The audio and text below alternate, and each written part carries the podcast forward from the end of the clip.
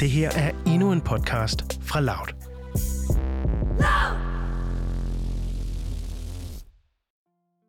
Mit navn er Anne Tranum, og jeg er 27 år gammel. Da mine forældre blev skilt, der var jeg 20, og jeg havde godt regnet den ud.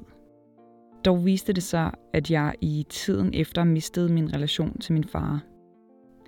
Som kvinde med et betændt forhold til sin far, så hører man ofte, at man kan have daddy issues. Men jeg er ikke helt sikker på, hvad der menes med det.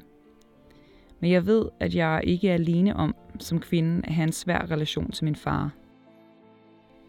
For et år siden, der mødte jeg Dorte Palle. Hun skulle undervise mig og en masse andre podcast-entusiaster i lydmediet og alles mange muligheder. Dorte er en passioneret radio- og podcastproducent og begiver sig ofte ud i at fortælle om sin egen karrierevej. Da jeg delte med Dorte, at jeg ønskede at producere en podcast med fokus på daddy issues, så vil hun også gerne stille op for, som hun selv sagde, så er hun medlem i klubben af kvinder med svære farrelationer. Måden relationen til hendes far har påvirket hendes eget liv, var dog en lidt anden, end jeg først havde regnet med. Dorte, da vi øh, skrev sammen om, at jeg lavede det her projekt, og jeg rigtig gerne vil have dig ind til en, en samtale, der nævnte du, at din relation til din far, den har haft indflydelse på din karriere og måden, du ser på kreativitet. Øh, I april der udkommer du med en bog om vejen fra fastansat til iværksætter. Du sagde til mig, at du øh, også nævner din far i bogen. Vil du ikke lige uddybe det? Altså, hvordan har din far haft indflydelse på, på din karriere? Jamen, det irriterer mig egentlig, at han optræder ret mange gange i min bog. Det var virkelig ikke planen. Den handler overhovedet på ingen mulig måde om min øh, barndom. Den handler om her og nu og et år af mit liv, hvor jeg starter op som selvstændig. Men det viser sig jo bare, at når man sidder og er i det og skriver om det, der foregår lige nu og her, så er det jo helt umuligt at lade være med hele tiden at trække det tilbage til, til ens ophav. Hvad var det for nogle situationer, hvor du oplevede, at det så kom op, hvis det var, at det overhovedet ikke, egentlig ikke var planen? Altså, det var mest, når jeg skulle prøve at sidde og reflektere og tænke over, hvorfor jeg bare gør nogle ting, jeg gør. Også når jeg blev udfordret af min redaktør. Det var faktisk mest hende, øh, da, hun, da jeg fik den tilbage fra første gennemlæsning. Der var sådan lidt, det forstår jeg ikke, eller hvad mener du med det, eller hvorfor? Og der var også mange steder, hvor hun var sådan lidt, det er jo ikke en sandhed. Altså, hvor jeg ligesom sagde ting som noget, der var, sådan er det jo. Hvad var et eksempel på det? Jamen, øh, for eksempel sådan noget med, hvornår man øh, skammer sig. Mm. Øh, det, det, det blev jeg i hvert fald udfordret på, at det er ikke en selvfølge. Det er ikke alle, der har det, sådan ligesom du har det. Mm. Øh, og der måtte jeg jo så gå ind og grave tilbage og, og, og begynde at spørge mig selv om, hvor har jeg egentlig det fra? Og der kunne jeg gå helt konkret tilbage i sådan nogle barndomsanekdoter og ligesom finde dem frem og være sådan, om det var første gang, jeg stødte på begrebet skam. Empati var en anden. Der havde jeg også sådan en med, øh, hvordan blev jeg sådan et rummelig empatisk. Altså, jeg er nærmest sådan, der er nogen, der joker med, at jeg er øh, blevet tabt ned i en stor empatigryde en gang, da jeg var øh, barn. Og, øh, og det kunne jeg faktisk også så gå hen og, og finde ud af. Og især sådan noget med øhm, kreativitet. Hvordan opstår den? Hvordan fremmer man den? Hvordan motiverer man øh, nogen til at, øh, at handle kreativt? Den kunne jeg også gå, og der kunne jeg faktisk gå også helt tilbage til sådan nogle konkrete episoder fra min barndom. Der kan jeg huske sådan en, jeg kan huske første gang i mit liv, jeg hørte ordet øh, skam. Mm. Øhm, det var en gang, hvor jeg sad på bagsiden af, af bilen, min fars røde Lada, og så spurgte han, og han tankede, så spurgte han, om jeg ville have en is med, og så sagde jeg, ja, hvor meget man koste, og så sagde han, indtil du skammer dig. Og hvor jeg var sådan, og var en lille pige, så jeg, jeg skulle bare have det største is, og så kom han tilbage med en aller sådan en kæmpe stor vaffelis. Jeg kan faktisk ikke særlig godt lide vaffelis.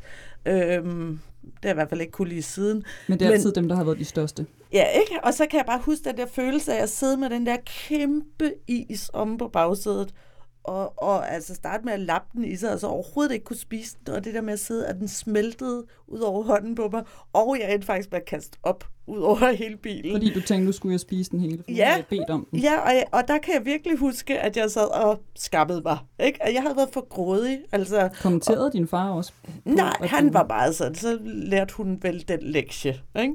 Og jeg tror faktisk, jeg lærte en lektie der, fordi jeg har også tit, jeg bruger det også tit selv, det er jo de der formuleringer, man lige pludselig siger højt, hvor man er sådan, hvis nogen spørger, hvor kommer man fra, gud, det er noget, man har hørt 100 gange i sin barndom. Men, men det der, det var meget, øh, det var meget den måde, jeg blev opdraget på, indtil du skammer dig, altså find din egen grænse. Ja. Øhm, Men hvordan er det kommet ind i din karriere? Det er øh, i virkeligheden på sådan en... Øh, i virkeligheden på en meget god ting nogle gange, med sådan lidt, om der er ikke nogen, der skal tage nogen som helst beslutninger for mig, hvor grænsen går.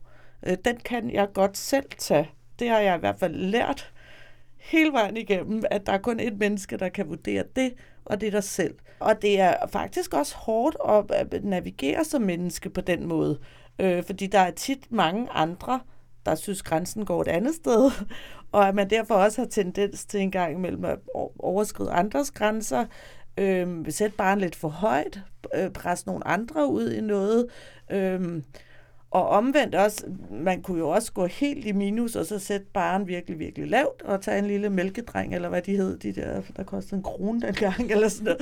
Altså jeg altid tror, være øh, modholdende og ydmyg, ikke?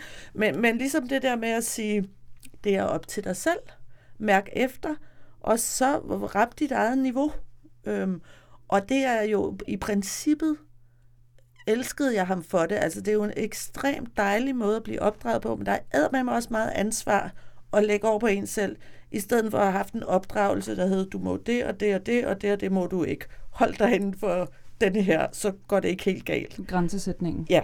Så på en måde, når man ikke får den, så øh, indimellem laver man jo nogle ret fantastiske ting, og indimellem får man med også slag. Men er det værd at få de slag? Ja, det synes jeg jo. Altså generelt synes jeg jo, øh, nogle ting har været øh, øh, meget hårde på den måde, men, men man vokser jo som menneske. Og et andet eksempel, øh, jeg kunne komme med i forhold til kreativiteten. Øh, jeg er simpelthen opdraget uden manerer. Altså jeg har aldrig Altså, jeg er så langt fra en Emma Gade opvækst. Hvordan foregik jeres middagsmåltid så? Øh, der var ingen regler overhovedet. Jo, min far havde sådan en med, at jeg, man ikke måtte synge ved maden. Men det var bare noget, han sagde. Det var, fordi han kom fra en musikerfamilie. Han var selv musiker, og der havde han lært sådan noget med, at man må ikke synge ved bordet. Det er sådan, nu har der været musik hele dagen, så middagsbordet er ligesom heldigt. Det lyder heller ikke godt at synge med mad i munden. Nej, men han sad altid selv og fløjtede og sådan noget, så jeg tror mest, det var noget, han sagde. Men jeg, altså, ordet pligter kendte jeg ikke. Øh, altså, jeg har aldrig hørt det hele min barndom. Det var, gør, hvad du har lyst til. Det var meget så lystfyldt og lejende. Øhm, og jeg kan huske, min mor engang imellem sad og pippet, og jeg ved, hun har senere fortalt mig, at de havde mange skænderier om det. Altså den der måde, når vi var færdige, øh, jeg skulle ikke engang bære en tallerken ud, jeg kunne bare gå hen og lege videre. Øhm, fordi min far synes ikke, at børn skulle bruge deres tid på kedelige husopgaver. Han var sådan lidt, det skal I sgu nok få lært på et eller andet Hvornår tidspunkt. Hvornår ramte det dig så ja, senere i livet? Altså, det skulle du nok få lært på et tidspunkt. Hvornår kom det som et chok? Eller? Altså, altså, det gjorde det jo, når man på et tidspunkt skulle flytte hjemmefra. Eller jeg kom på højskole, for eksempel, hvor der var sådan nogle chancer med, at man skulle tage ud og borde. Og jeg synes, det var frygteligt. Altså, jeg synes, jeg spildte mit liv. Og, og det er jeg stadigvæk i dag. Jeg har det... Altså, jeg skal tvinge mig selv til at huske øhm, lige at opføre mig sådan fuldstændig øh, ordentligt. Øhm, altså, hvis det stod til mig, så sidder jeg og spiser, og så går jeg direkte ind og klipper videre, eller hvad jeg nu er i gang med. Altså fuldstændig ligesom jeg satte mig ind til Lego-klodserne. Ja, helt da, lyst, lystbetonet. Fuldstændig, lyst. ja. ja. Hvad var din relation til din far, og hvordan er den nu?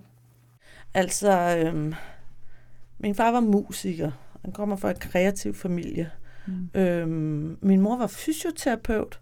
Øh, og på en måde er det jo et ret vildt mix, det der med utrolig meget øh, sjæl og så utrolig meget krop. Men jeg har haft kæmpe, kæmpe, kæmpe komplekser i forhold til at være barn af en kunstner.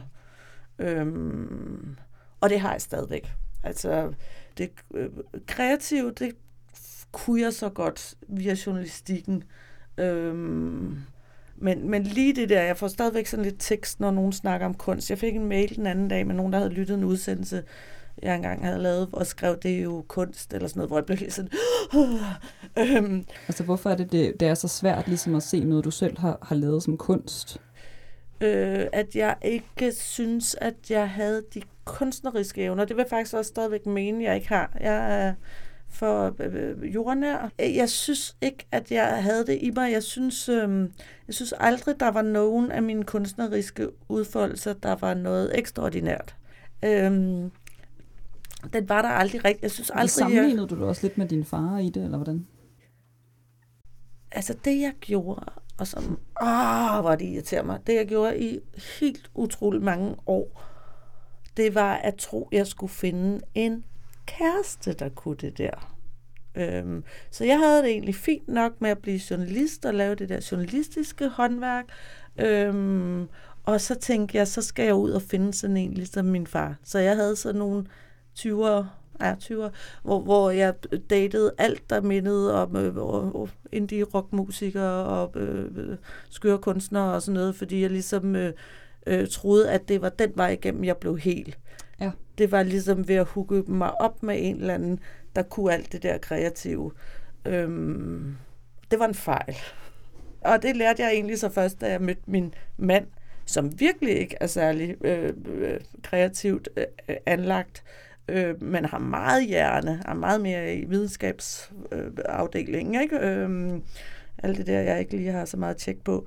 Øh, og der kan jeg huske, at jeg en dag vågnede op, altså, øh, og fik det sådan lidt, jamen jeg har jo set fuldstændig forkert på det. Altså, det er jo, det er jo, det er jo mig, der er min far. Ikke? Altså, det er jo, jeg, har, jeg, jeg har jo arvet alt det der. Det er jo mig, der har det inde i mig.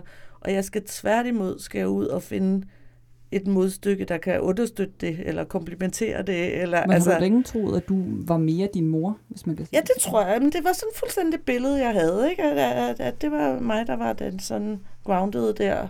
Jeg har også tyr i stjernetegn. Det skulle også være sådan meget, meget grounded. Ja, grounded. Ja, så, så, ja, så det har jeg hele tiden tænkt. Ja. Og så er det mig, der skal ud og finde det der Øh, fiske. Nej, jeg tror altså ikke rigtigt på stjernetegn, men for at blive nu den kom det alligevel meget over den analogi. Hvordan, altså, hvordan er din relation til din far nu? Mm, jamen, altså, han døde jo lidt for tidligt, øhm, men dog heldigvis ikke så sent, så jeg lige, hvad var jeg, i midt-20'erne. Øhm, han havde noget at se mig komme rimelig godt afsted og få fart på min karriere og lave nogle ting, jeg var glad for. Øhm, så udover altså øh, det der helt generelle savn, når man ikke har en far, så tror jeg, at, altså, at i forhold til den der måde, han kunne generere idéer på, det kan jeg jo se, at det, det har jeg arvet. Øhm, der, hvor jeg er meget, meget, meget påpasselig, det er for min far endte i øh, massivt misbrug og tidlig død. Øhm, så jeg har jo også set, hvordan det slider øh, og hvordan det var ved at altså, fik splittet hele familien op. Og, altså hans kreativitet og ide, idéer, og, og hvordan? Ja, hvor, der, hvor udbrændt man også bliver det, ikke? Hvis man begynder at drikke samtidig, eller altså ikke passer på. Øh, og det tror jeg, det har i mange år været min helt, helt store redsel, det der med, øh, øh, hvad, det, hvad det river med sig, når man bliver så grebet af, af, af sine projekter. Øh, og det, det kan jeg godt være bange for. Øhm, ikke så meget i dag, nu er jeg blevet så gammel, så jeg tror... Øhm, ja, det ved man sgu aldrig. Der skal måske bare lige en livskrise til, ikke? Så, så, så ligger man der. Men det er jeg i hvert fald meget, meget bevidst om, at, at han havde så sindssygt gode idéer, men han fik dem ikke eksekveret ordentligt. Og det er jo, når man drikker samtidig. Altså, eller har, altså, så, så jeg tror, jeg, jeg, jeg gør mig virkelig, virkelig meget umage med, at det ikke kun bliver gode, sjove, krøllede idéer, men at de faktisk også bliver ført ud i livet. Ja. Hvornår er det, hvornår er det mest tydeligt, at du mangler din far? Mm. Ja, det er vel, hvis der er noget, jeg er stolt af. Øh, for ros. Øh, det blev i hvert fald tydeligt, da jeg øh, også havde skrevet bogen der, at, at altså, jeg havde professor nede på min MBA, der øh, i dag skrev han en mail med, I'm so proud of you, hvor jeg bare begyndte at tudbrøle, ikke? Og hvor jeg var så, det er utroligt, der skal bare sådan en hvid, ældre, øh, gråhåret, ældre, hvid mand til at sige et eller andet pænt om, og så, så, så, så er jeg glad, ikke? For, ja. Virkelig irriterende også, synes jeg, men det tror jeg også, øhm, det, det kan jeg bare se meget tydeligt, at, øh, at det er noget, der virkelig motiverer mig. Og det er jo fordi, min far var heller ikke særlig god til at give komplimenter. Mm. Men igen, altså jeg står ikke her og traumatiseret, for jeg kunne også godt lide hans definition der. Han var altså fra en meget, meget tidlig alder, og han, det kan jeg huske, han sagde til mig, det har indbrændt sig. Der sagde han, øhm, hvis jeg sagde et eller andet, ikke flot, den her tegning, eller et eller andet, øh, så havde han den der med øh, øh, talenter for ros, når de gør noget godt, og professionelle for kritik, når de gør noget dårligt. Så alt det der skamroseri, øh, det synes han ikke rigtigt, at man kunne bruge til noget. Altså, Men tænkte han, du allerede det dengang, at ja. det, var, det var dejligt ikke at få for meget ros heller? Nå, nej, det tror jeg ikke. Jeg tror, jeg savnede at få den der ros. Men samtidig forstod jeg også ret tidligt det der med hans definition. Han var meget på det der med amatører kontra professionelle. Altså hvis det var ens virke, hvis det var ens arbejde, så, så, så drop alt det der skamrosning af noget, der er ligegyldigt. Så skal vi ind i materien og ind i kritikken. Og ind, ja. altså, der er ligesom ikke rigtig tid og plads. Og så de der lalleglade amatører, det er fint nok, dem kan man sagtens klappe på hovedet og sige pæne ting om. Øh, men, men den der definition, det er altså også med at blive professionelt meget tidligt. Ikke? Altså det der med at behandle børn som små professionelle, det kommer jo også lidt med fra den der klassiske musikerverden. Ja. Altså jeg kan huske nogle julearrangementer, vi var til fra jeg var helt lille, som jo bare var et julearrangement, hvor man skulle have en gave og spise noget slik. Men der stod vi altså på stribe med vores små violiner ja. i vores pæne kjoler, og uh, det var et stort sådan show-off. Ikke? det her, øh. Men i radio-tv-branchen er du jo også blevet altså der er du, du er jo også blevet professionel meget tidligt. Mm. Altså du mhm. gik meget tidligt i gang med din mm. karriere også der, ikke? Jo. Tror du også, at du, altså, var det meget drevet af, at du ligesom kunne mærke, at din far han også var meget professionel og gik meget op i, i, sin, i sin profession og sit virke? Ja, altså øh, helt klart. Og, og inden da, der lavede jeg også øh, alt muligt skørt elevrådsarbejde, hvor jeg sad som 13-årig i sådan nogle bestyrelser og opførte mig som sådan en lille mini mini-professionel bestyrelsesforband. Og sådan. Altså, det, der, det var ikke særlig meget for sjov, noget af det. Øhm, samtidig med, at det jo overhovedet ikke har været karrieremindet. Mm. Altså, det gik han jo ikke op i. Altså, han var jo samtidig sådan, du kan blive fuldstændig, bare gøre, hvad du har lyst til. Altså, så det var jo ikke sådan, som dem, der bliver tvunget, siger jeg med sådan nogle gåseøjne med mm. fingrene her. Men altså, det var ikke sådan dem, der skal læse medicin og blive læger, eller skal læse jur. Altså, det var sådan en, du kan gøre fuldstændig, hvad du vil, men du skal fandme gøre dig umage det lyder også lidt som om, at det også er, er, er et pres at give. Ja. Det må også være altså, svært at leve op til. Kæmpe pres, ikke? Og jeg kan huske, at første gang, jeg nogensinde havde sendt, altså min første radioudsendelse, øhm, der kan jeg huske, at han skrev til mig et eller andet meget det var fint, godt, eller det var et ord nærmest, ikke? Okay. Godkendt-agtigt, ikke? Og så skrev han bare, husk, der er mange, der vil give flere år af deres liv for den chance, du nu har fået som sådan en, okay, og samtidig, altså, hvad fanden skal jeg bruge det Altså, øh, men det skulle jeg jo, altså, åh, kunne da ikke bare sige, hvor var det dejligt, hvor jeg er stolt af dig. Men, men det var jo med den der på, der hedder, tag dig lige sammen, og ikke gør dig umage. Altså, du har faktisk en mulighed her, så den skal du ikke... Øh... Men det var ikke det, du tænkte i øjeblikket, det er det, du tænker nu. Altså, nu ser du det ligesom som en læring, men på det tidspunkt må det også have været, have været hårdt at høre. Ja, der synes jeg bare, det var lidt hårdt, ikke? Jo. Ja. Øhm. Og faktisk tror jeg, jeg lyver nu, fordi jeg tror ikke engang, han hørte første gang, jeg sendte. Det var en af de efterfølgende udsendelser. Jeg tror bare, at ja, ja, fordi det kan jeg huske, ja, at dem, jeg havde sendt sammen med, de sad, og alle deres forældre ringede, og bla bla bla. Ja, der var faktisk meget stille der. Nej, det kom et, jeg tror, det kom på udsendelser efter. Ja, ja, det kunne du faktisk alligevel huske nu. Ja, jeg kan faktisk huske følelsen, der jeg sidde der, og der var helt stille. ja. Hvad for en følelse havde du lige efter din far han, han døde, og hvad for en følelse sidder du med ham med om ham nu? Det er sjovt, fordi jeg kan mærke, at jeg øhm, praller lidt af på de der spørgsmål, når du går i følelserne der. Med, jeg, jeg, jeg tror bare, jeg fortrængt det. Ikke? ja. øhm, det var også ret interessant, du praller af på dem. Ja, ja. Altså, jeg tror bare, jeg er sådan lidt, om, så er han her ikke. Så er det det videre. Altså, har jeg prøvet ligesom at Øhm. Ja, for det hjælper det for dig? Ja, det tror jeg, det er blevet nødt til at gøre. Øhm, altså, jeg tror mest, det, altså, jeg, jeg, det sætter sig mest i den der med, at jeg kan mærke, at jeg kompenserer ved at prøve at finde alle mulige andre figurer rundt omkring, der kan sige og gøre nogle af af de der ting. Ja, altså, altså ved vejledere og sådan noget. Ja, eller altså ja. for eksempel, da jeg blev gift, der havde jeg ikke det store issue med at gå op ad gulvet selv. Altså det er sådan en, hvor, åh, jeg har ikke min far, og hvem skal følge mig op? Jamen præcis, den sidder jeg da også selv med. Ja, jeg synes ikke, det fylder så meget faktisk. Altså jeg tror lige der har jeg, der har været meget god til at, at bare sige, sådan er det. Og det samme med, med morfar til børn og sådan noget? Ja, det ja. tænker jeg egentlig heller ikke over. Øhm, sådan specielt meget. Mm. Jeg kan godt være ked af, at han ikke nåede at se, at jeg fik børn. Det er ikke det, der betyder mest. På et tidspunkt, da jeg blev øh, nomineret til sådan en super fornem pris, der er sådan mm. verdensmesterskabet i radio, der savnede jeg ham. Der kunne jeg mærke det der med, ej, der gad jeg godt lige. Men, men, men det er jo sådan et egoistisk savn. Der savnede jeg jo bare, at han skulle sige, jamen det har jeg da altid vidst, eller hvor er jeg stolt af dig, eller sådan noget. Øhm, så jeg ved jo ikke rigtigt, om det var ham som sådan, jeg savnede. Men der savnede jeg i hvert fald farrollen. Men han kunne godt have fundet på at sige det. Ja, hvis jeg var nået så langt, det tror jeg faktisk, jeg ville have haft respekt nok til at... Ja, der tror jeg, han ville have... En af de største priser inden for den profession, du er ja. der, der vil han godt kunne have ja. sagt det. Øhm, har du haft nogle overvejelser omkring, hvilken historie du vælger at, at fortælle om din far? Både over for dig selv, men også over for andre, nu når, når han ikke lever længere? Mm.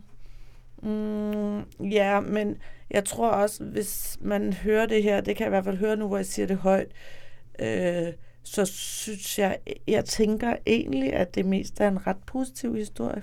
Øh, selvom det virkelig ikke altid har føltes sådan, og det var sindssygt svært. Jeg kunne godt have fortalt den her historie på en helt anden måde, der var meget mere traumatisk, og jeg kan mm. godt fortælle om alle de gange, jeg havde sagt til ham, at jeg gider se ham mere, og alt sådan noget. Men det er jo det der, også som tiden går.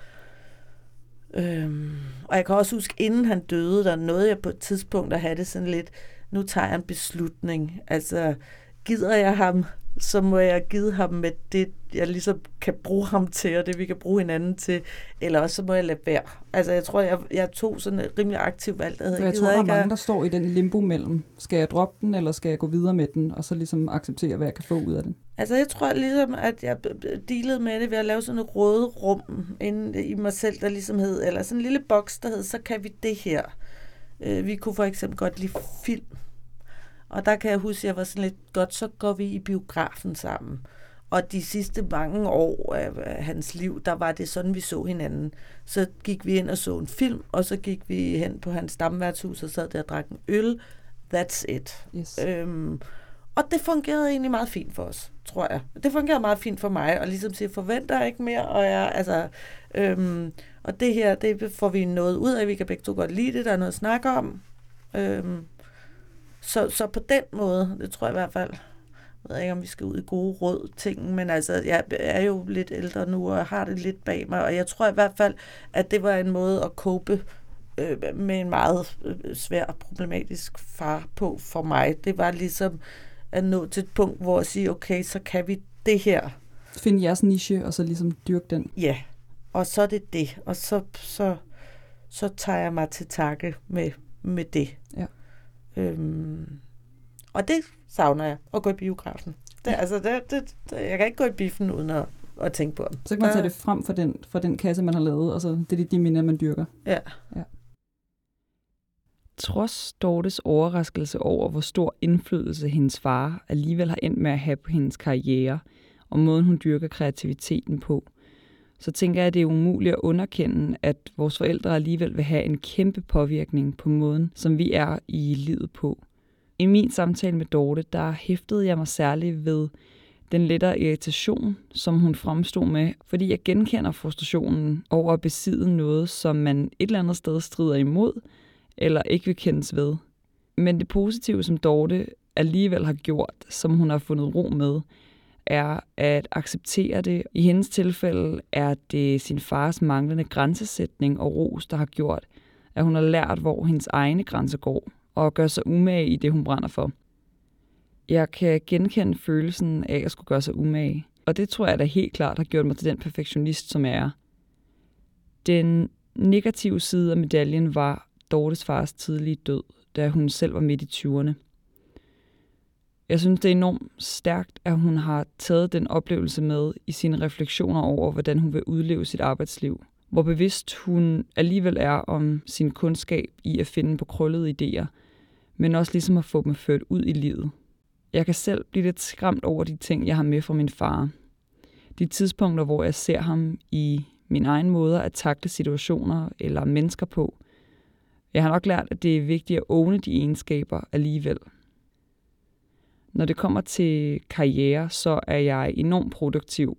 Jeg ved dog også nu, at jeg er lidt for god til gerne at vil udføre opgaver øh, selv, og alt for lang tid om at bede om hjælp fra andre. Jeg tror igen, at jeg er skræmt i tanken om, at jeg kan komme til at forpuppe mig selv i mit arbejde, og særligt komme til at blive udbrændt alt for tidligt i livet, fordi jeg netop ikke får sagt fra, eller gerne vil gøre tingene godt nok. Både Tanja og Dorte har nævnt, at de har valgt at se mere positivt på relationen til deres fædre. Eller i hvert fald var de ikke så meget for at blive ved med at søbe rundt i de negative følelser og tage rollen på sig som offer. Inden sin fars død, så tog Dorte i hvert fald et aktivt valg om at acceptere, hvad hun kunne få ud af relationen og fokusere på det. Og den måde at håndtere relationen kunne jeg egentlig godt sætte mig ind i og indfinde mig med. I næste afsnit, der skal jeg tale med Maja Wein Gilbert, der er psykolog ved Ung Terapi. Jeg er nemlig nysgerrig på, hvilken indflydelse det kan have på mig som kvinde, at jeg oplever en svær relation til min far. Jeg skal dykke lidt mere ned i min egen navle, for hvordan kan jeg løse den identitetshårknude, som jeg har snøret mig selv ind i? Og hvordan kan jeg eventuelt håndtere at tage en samtale med min far om de ting, som jeg oplever?